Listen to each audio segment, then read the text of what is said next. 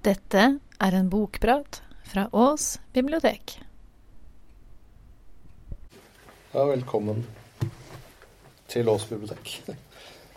Uh, ja, jeg skal snakke om en bok av en forfatter som heter Patrick Modiano. Kanskje noen vet hvem er? Han uh, fikk nobelprisen i litteratur i 2014. Ikke så veldig lenge siden. Har eh, også vunnet masse andre priser opp gjennom åra. Han er en fransk Han er fransk og født i 45. Han eh, hadde en far som var jødisk-italiensk, og en mor som var belgisk. Eh, han har også skrevet, altså han har skrevet over 30 romaner. Eh, men kun et fåtall av dem er oversatt til norsk. Eh, eh, romanene hans har, masse forskjellige temaer. Som, han skrev spesielt mye om den andre verdenskrig. Alt fra det altså, til ungdommer som rømmer hjemmefra, frykten for framtida, søken etter tapte tider og, og selvsagt kjærligheten. Eh, søndager i august etter denne her, da. Det er en slags, er en slags hybrid. Det er altså en slags kriminalroman også. Som, den jobber seg altså bakover i tid.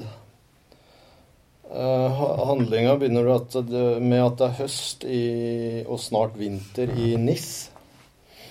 Uh, hovedpersonen her, han heter Jean, og han bor i et nedslitt hybelhus sammen med sin kjæreste som heter Sylvia. Uh, hun har stukket av fra Paris sammen med Jean. Og rundt halsen bærer hun et stort, uh, diamant, en stor diamant. Et arvestykke som har vært veldig mye penger. Uh, en dag så støter Jean plutselig på en mann som heter Villecour. Og det er starten på en dramatisk historie som begynner sakte å nøste seg opp. Skal jeg lese litt.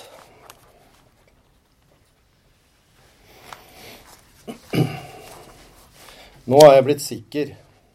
Ville Kor dukket opp etter vårt første møte med Nils. Hendelsen inntraff i uken som fulgte. Vi hadde ennå ikke sett Nils igjen, for det gikk minst ti dager før vi fikk tak i dem på telefonen og fikk avtalt å møtes. Hendelse. Atter en gang passer ordet dårlig. Det var å vente at vi skulle støte på Ville Kor et eller annet sted. På godværsmorgener gikk vi og leste avisene på en benk i Alsace-Lorraine-parken, like ved rutsjebanen og huskene. Der, i hvert fall, var det ingen som stirret på oss. Istedenfor lunsj tok vi bare noen sandwicher på en kafé i Rue de France.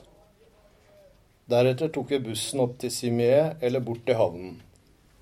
Og så spaserte vi på plenene i parkanlegget rundt arenaene eller gatelangs i den gamle bydelen.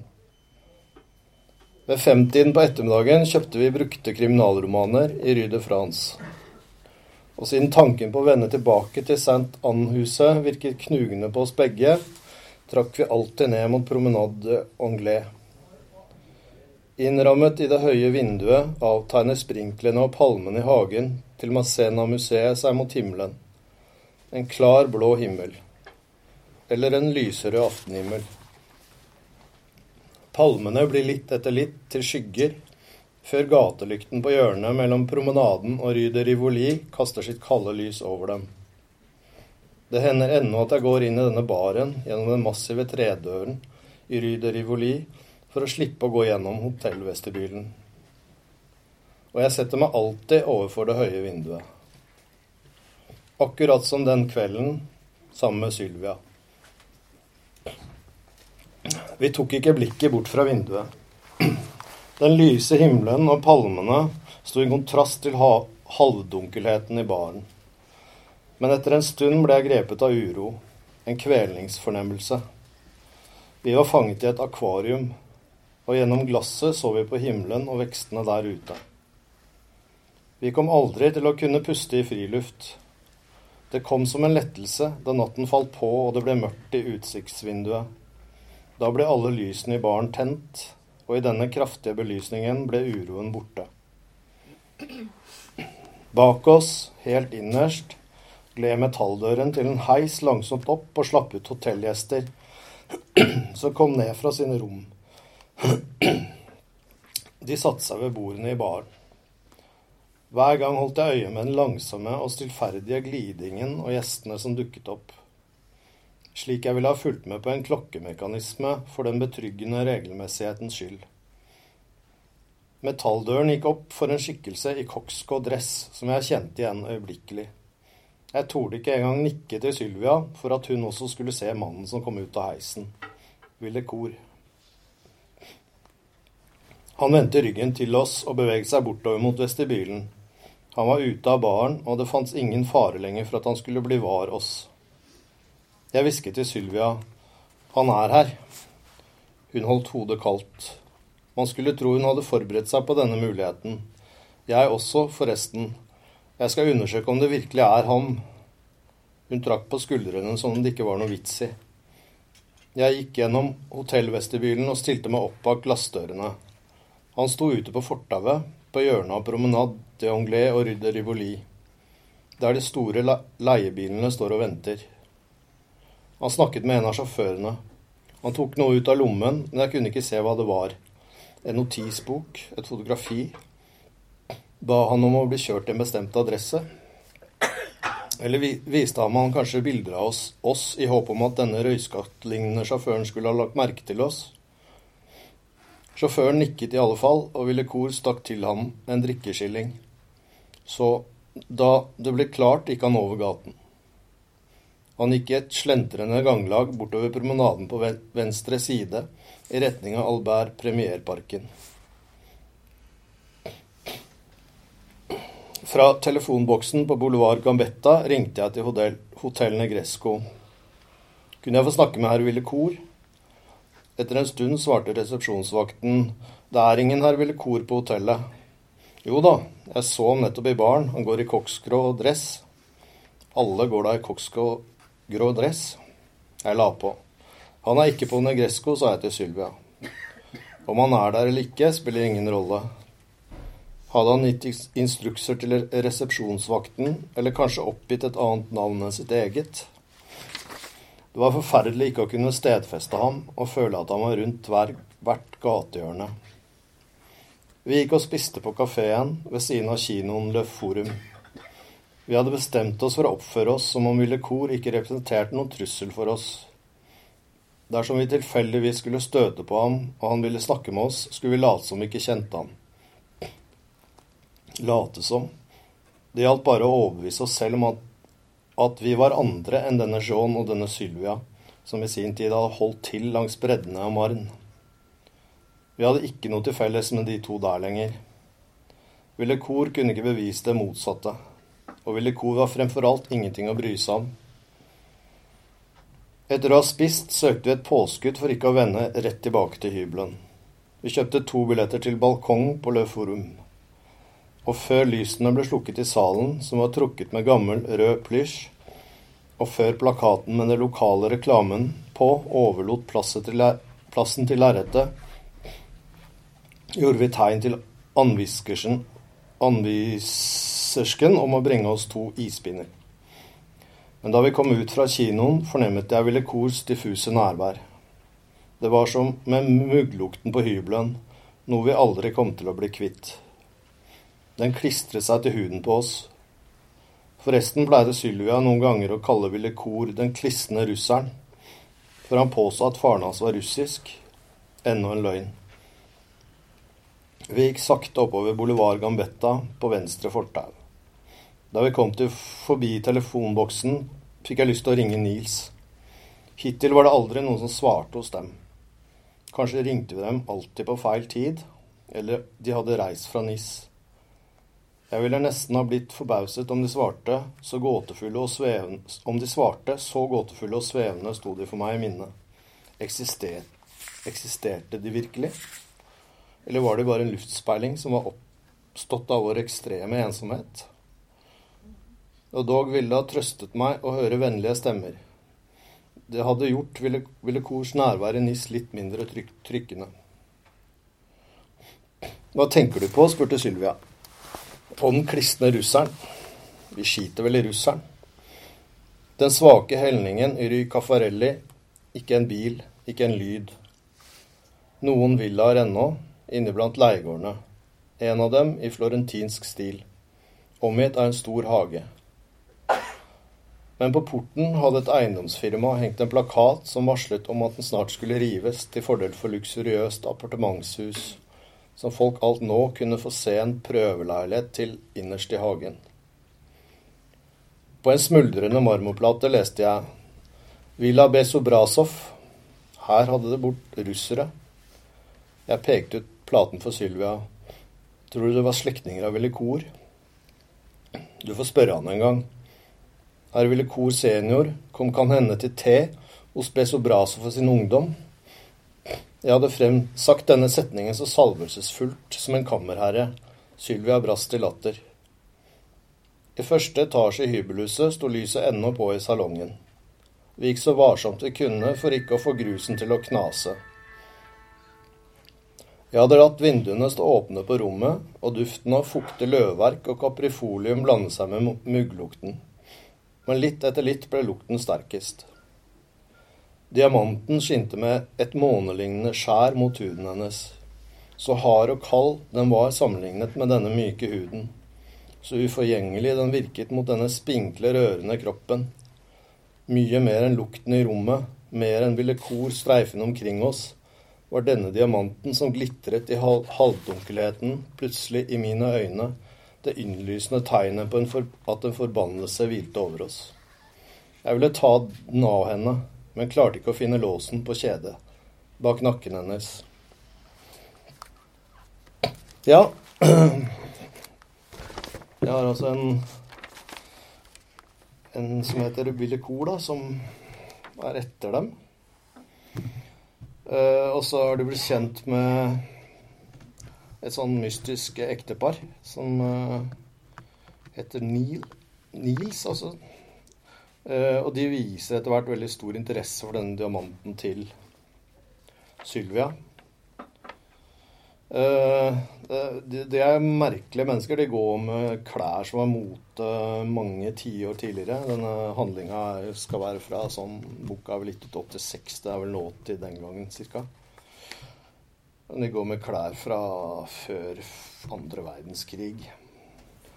Og når uh, hovedpersonen John undersøker litt mer rundt dette paret, så blir det enda mer mystiske. Så, så hva er det? Er, det gjengangere? det han spør seg. Jeg skal lese litt videre.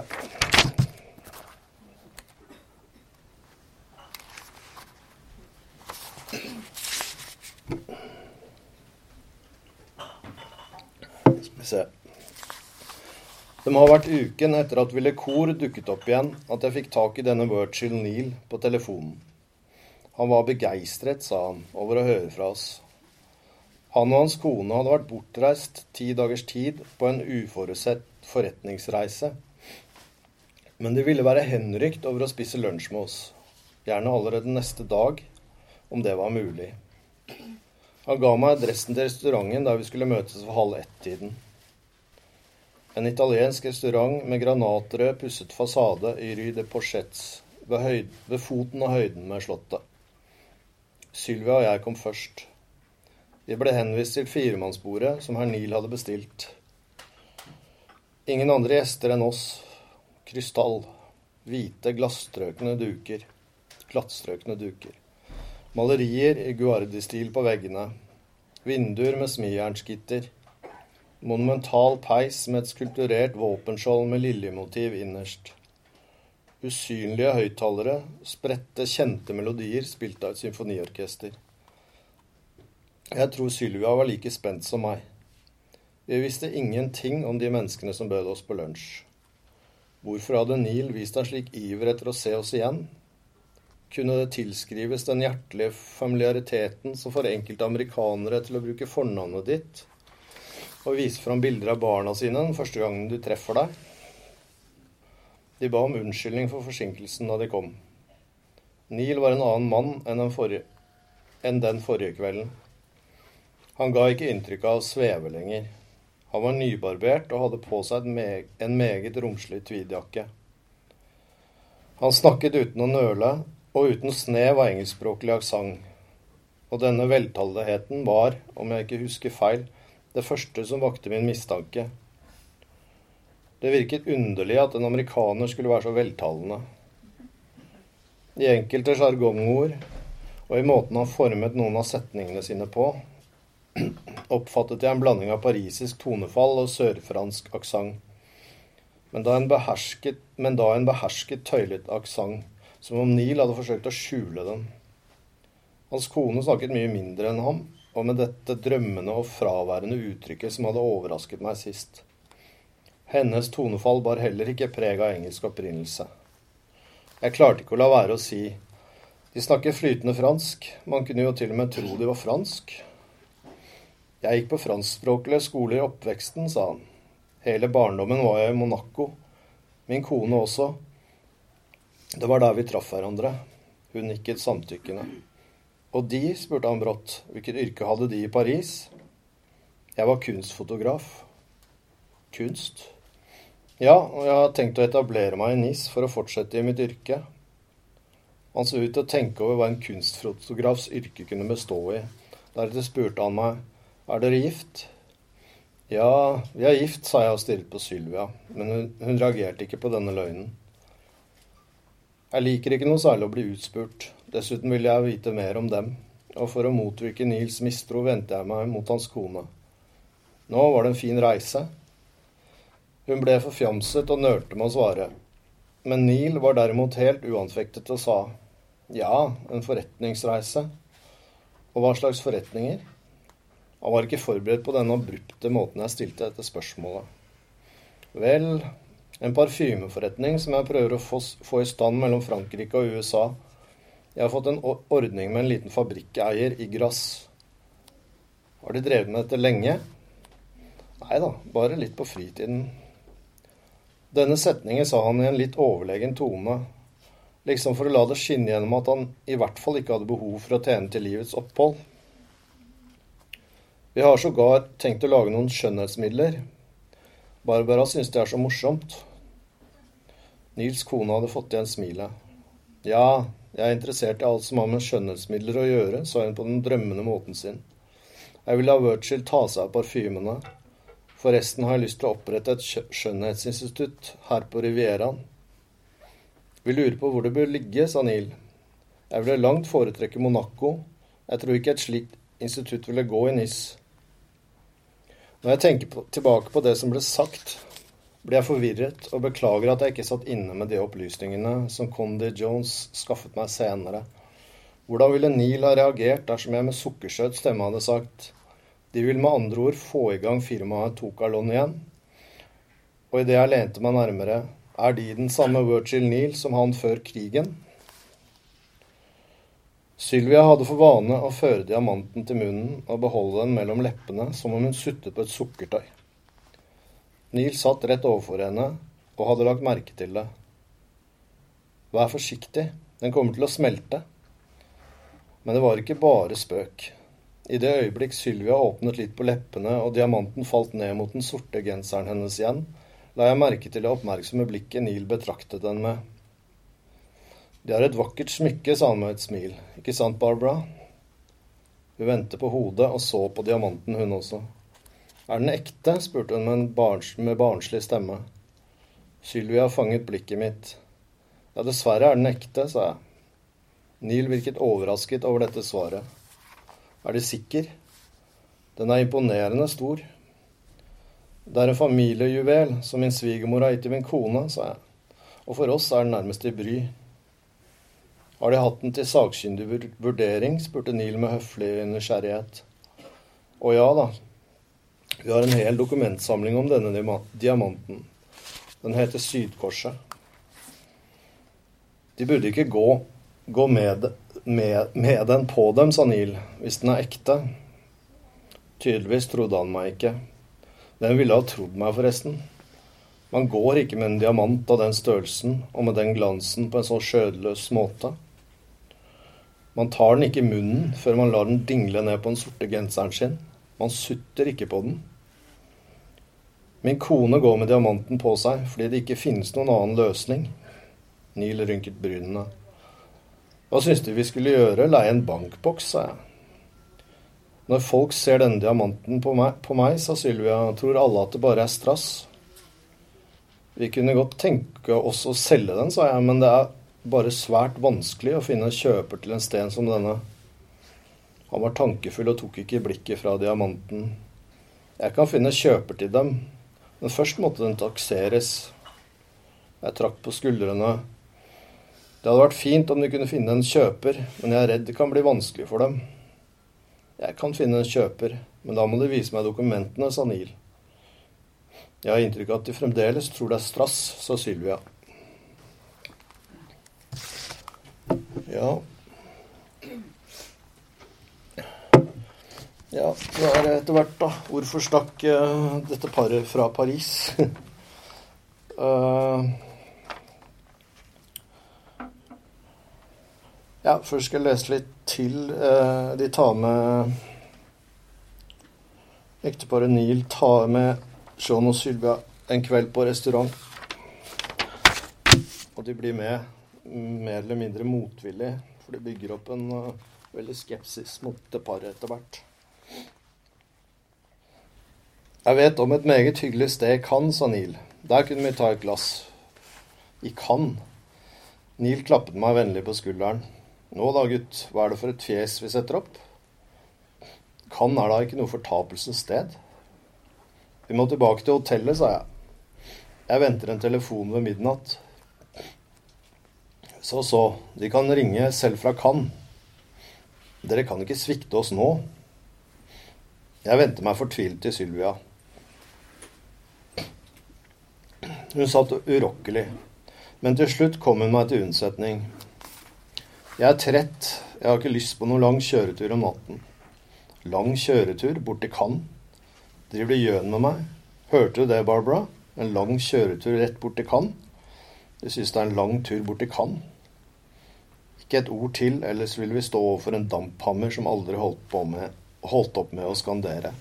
Bort til Cannes, bort til Cannes. Og dersom vi sa han imot, vil han lime seg enda fastere på oss enn nå. Hvorfor er visse mennesker akkurat som tyggegummi under skoen, som vi forgjeves forsøker å skrape av mot fortauskanten? Jeg kan love dere at vi er i Cannes på ti minutter. På denne tiden av døgnet går det fint unna. Nei, han virket ikke engang full. Han snakket med mild stemme. Sylvia trakk på skuldrene. Hvis de absolutt vil, så får vi dra til Cannes. Hun holdt hodet kaldt. Hun blunket umerkelig til meg. Vi kan snakke om diamanten, sa Neil. Jeg tror jeg har funnet en kjøper til dere, ikke sant, Barbara? Hun smilte til oss uten å svare. Kelnerne i de hvite jakkene beveget seg mellom bordene, og jeg lurte på hvordan de klarte å gå med så faste skritt. Bakenfor panoramovinduene så lysene i Nis ut til å være lenger og lenger borte og bli svakere. Vi kom ut på åpne havet. Alt dynget omkring meg. Idet vi satte oss inn i bilen, sa jeg til Neil jeg ville virkelig sette pris på om de kunne sette oss, på, sette oss av på hotellet. Jeg ville ikke gå glipp av den telefonen. Han så på klokken. Ansiktet hans lyste opp i et stort smil. Var det ikke så at de ventet denne telefonen klokken tolv? Nå er den halv ett. De har ikke noe påskudd fra å stikke, oss, stikke fra oss mer. Vi satte oss i baksetet, Sylvia og jeg. Barbara smekte igjen sigarettetui av gull. Hun snudde seg bakover til oss. Du skulle vel ikke ha en sigarett, spurte hun. Jeg har ikke flere igjen. Nei, sa Sylvia hardt, vi har ikke sigaretter. Hun hadde tatt hånden min og knuget dem mot kneet. Neil startet. Vil de absolutt kjøre oss til Cannes, spurte Sylvia. Cannes er så kjedelig. Nå snakker de om ting de ikke har greie på, sa Neil i en beskyttende tone. Vi liker ikke nattklubber, fortsatte Sylvia. Men vi skal da ikke på nattklubb. Hvor skal vi da? Det er en overraskelse. Han kjørte ikke så fort som jeg hadde fryktet. Han skrudde radioen lavt på. Igjen kjørte vi forbi den hvite bygningen til båtklubben og Vigierparken. Vi kom ned til havnen. Sylvia klemte hånden min. Jeg snudde meg mot henne.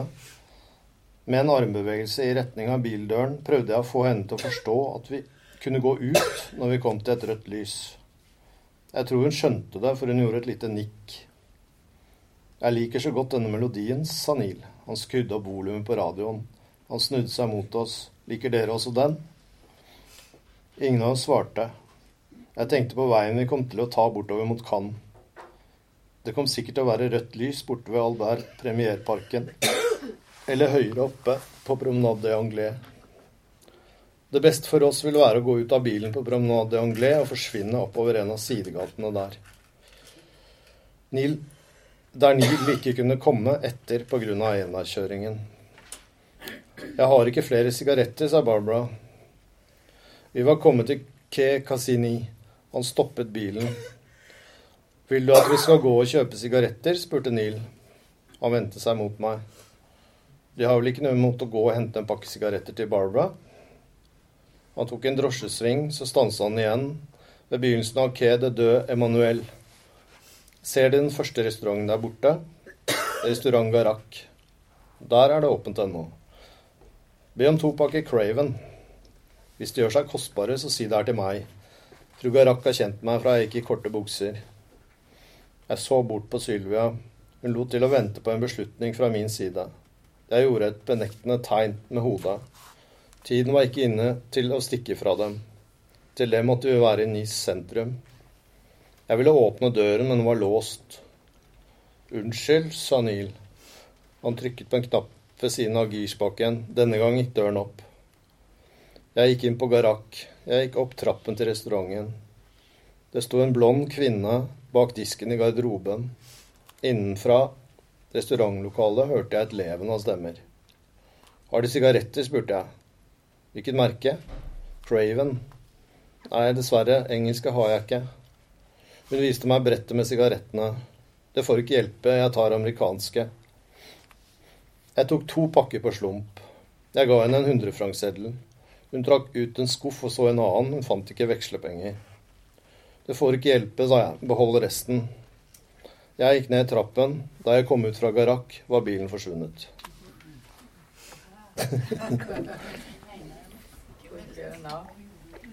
ja. Ja, det blir ganske spennende, men altså Som jeg sa i stad, liksom Her får vi ikke vite alt før helt på slutten, da, men uh, Hvorfor uh, rømte de fra Paris, og hvem er denne ville kor? Og hvem er egentlig dette her merkelige ekteparet? Og det viser seg at det er en slags forbindelse med disse personene. Uh, som ikke avsløres før ja, mot slutten, da. Hvor, da, hvor vi da finner linken da, bak i tid. Og den, uh, men den, den, den, den, eh, missing link her da blir jo på en måte avslørt sånn veldig elegant. da, Bare i et lite avsnitt sånn. Så plutselig så dukker den opp. Ganske briljant uh, gjort. Uh, jeg tror jeg skal stoppe der, for det Hvis jeg begynner å linke dette her, så blir det, blir det for mye. Men det er jo, selv om vi blir tatt med på en sånn veldig spennende historie her, da, så er, eh, så er det jo denne boka beveger meg en del fordi det er så vanvittig fine stemningsbilder i den. Av, av Nis og, og, mye om natt og kveld og ja, mye nostalgiske greier her. Som, uh, som, som er mellom linjene, holdt jeg på å si. Uh, og det er liksom refleksjonene Jeg har jo ikke lest så mye akkurat av det her, da, men altså hans refleksjoner og hovedpersonen da, og erindringer, da, den skaper sånn fin klangbunn i denne boka. Så det Ja. Men det er kanskje hans store styrke, da. Diano, han Noe må det ha vært. Han vant. Ja, jeg tror jeg stopper der.